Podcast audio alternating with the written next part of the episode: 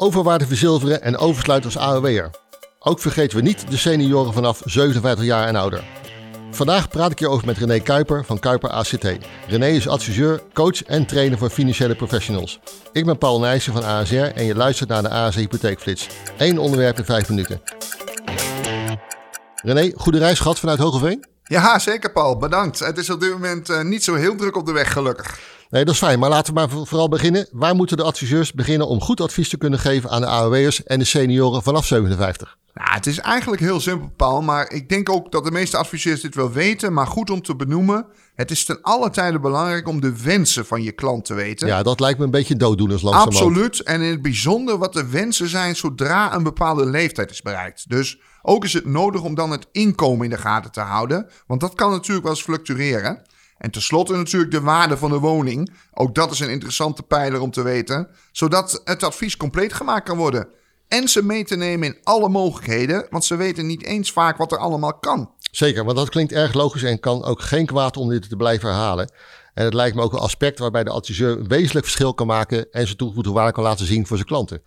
Eh, kun je een voorbeeld geven? Jazeker, en daarin heb je ook helemaal gelijk, Paul. Een goede adviseur onderscheidt zich, vind ik, door proactief zijn klanten te wijzen op bijvoorbeeld de mogelijkheden, nou ja, bijvoorbeeld om de kinderen belastingvrij te schenken. Nu het nog kan, hè, want die zogenaamde jubelton die we wel kennen, die gaat er waarschijnlijk per 1 januari 2024 vanaf. Ja, daar kunnen we wel rekenen, ja. op rekenen, ja. En, of, en juist het pensioeninkomen misschien wel te verhogen. Want ja, ook daar zit veel aan te komen. En natuurlijk ook het verduurzamen van de woning kan wel eens een hot item worden de komende tijd.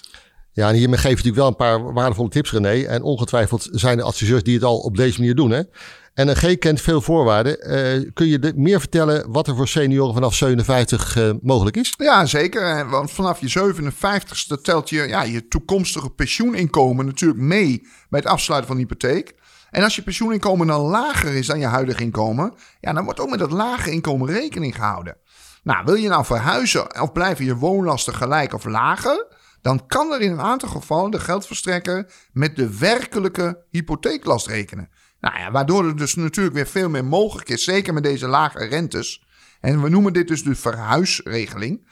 Of bijvoorbeeld, je wil samen met je partner een hypotheek aanvragen, maar ontstaat een tijdelijk inkomensdaling omdat je partner eerder de AOW bereikt dan jij. Mhm. Dus ja, de tijdelijke tekortregeling, zo noemen ze dat dan, kan dan ook een oplossing zijn.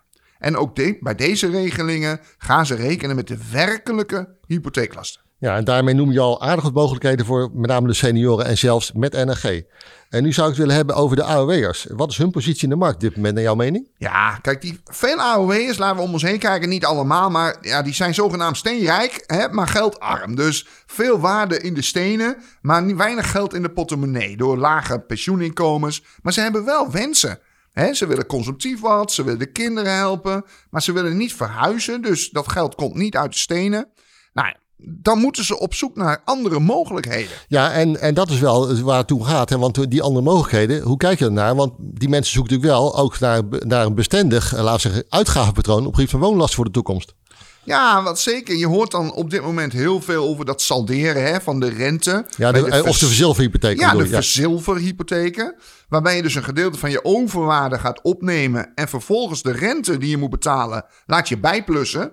Nou ja, dat lijkt natuurlijk aantrekkelijk, want je hebt geen maandlast. Maar je hypotheeksom neemt natuurlijk wel elke maand toe. En dat is net als, nou ja, we kennen allemaal op dit moment die besmettingen hè, met de coronapandemie. Dan noemen ze dat exponentiële groei. Nou, zo gaat het ook met je hypotheekschuld. Hoe langer je wacht en de rente gaat erbij op, ja, hoe enorm neemt die hoofdsom toe.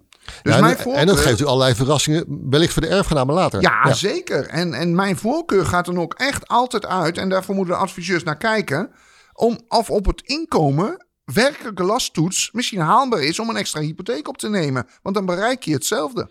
Ja, en eigenlijk wil ik dan tot slot met jou hebben over de mogelijke oplossing voor alles uh, die we al eens eerder hebben besproken. De, de wel thuis levensrentehypotheek van, van ASR. Wat is jouw gedachte bij dit product?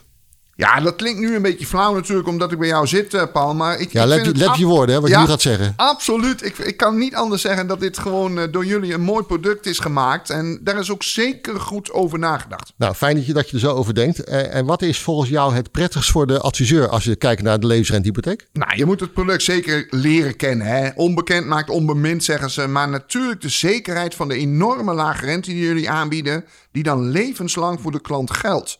En dat je natuurlijk ook op de werkelijke last kan toetsen. Dus je betaalt netjes elke maand je maandlast en je hebt geen verrassingen achteraf. Heel mooi vind ik. Ja, en eigenlijk is het ook het bericht wat ik eh, regelmatig ook terughoor van, van adviseurs in de markt. En ik denk dat we daarom ook niet voor niets eh, de Gouden Lotus Award hebben gewonnen eh, bij het ontwikkelen van dit product. Nou, ik kan me heel goed voorstellen. Ja, en we zijn bijna te einde, René. Heb jij nog een tip voor adviseurs met betrekking tot het oversluiten van AOW's en senioren vanaf 57? Nou, zeker. Ik, ik, misschien val ik altijd in herhaling, maar toch is het belangrijk. Weet op tijd wat de wensen van je klant zijn. En wijs ze dan ook proactief op de vele mogelijkheden. Hè, het is een mogelijkheid om je klanten te verrassen, zeg ik. En dat is belangrijk, denk Ja, ik. ja. René, hiermee komen we aan het einde van, eh, van deze eh, versie. Eh, bedankt voor, voor je bijdrage en luisteraars, bedankt voor het luisteren naar deze hypotheekflits over actuele onderwerpen. En wilt u meer weten over dit onderwerp, klik dan even op de link in de show note onder, bij deze podcast. En wellicht voor de volgende keer abonneer je ook op deze podcast. Dan krijg je namelijk elke keer een melding op het moment dat er een nieuwe verschijnt. Dank voor het luisteren en wellicht tot de volgende keer. Vind je deze podcast interessant? Abonneer je dan op de ASR Hypotheekflits. Dat doe je op de hoofdpagina van de podcast. Klik op abonneer of follow en je ontvangt automatisch een seintje als er een nieuwe aflevering is.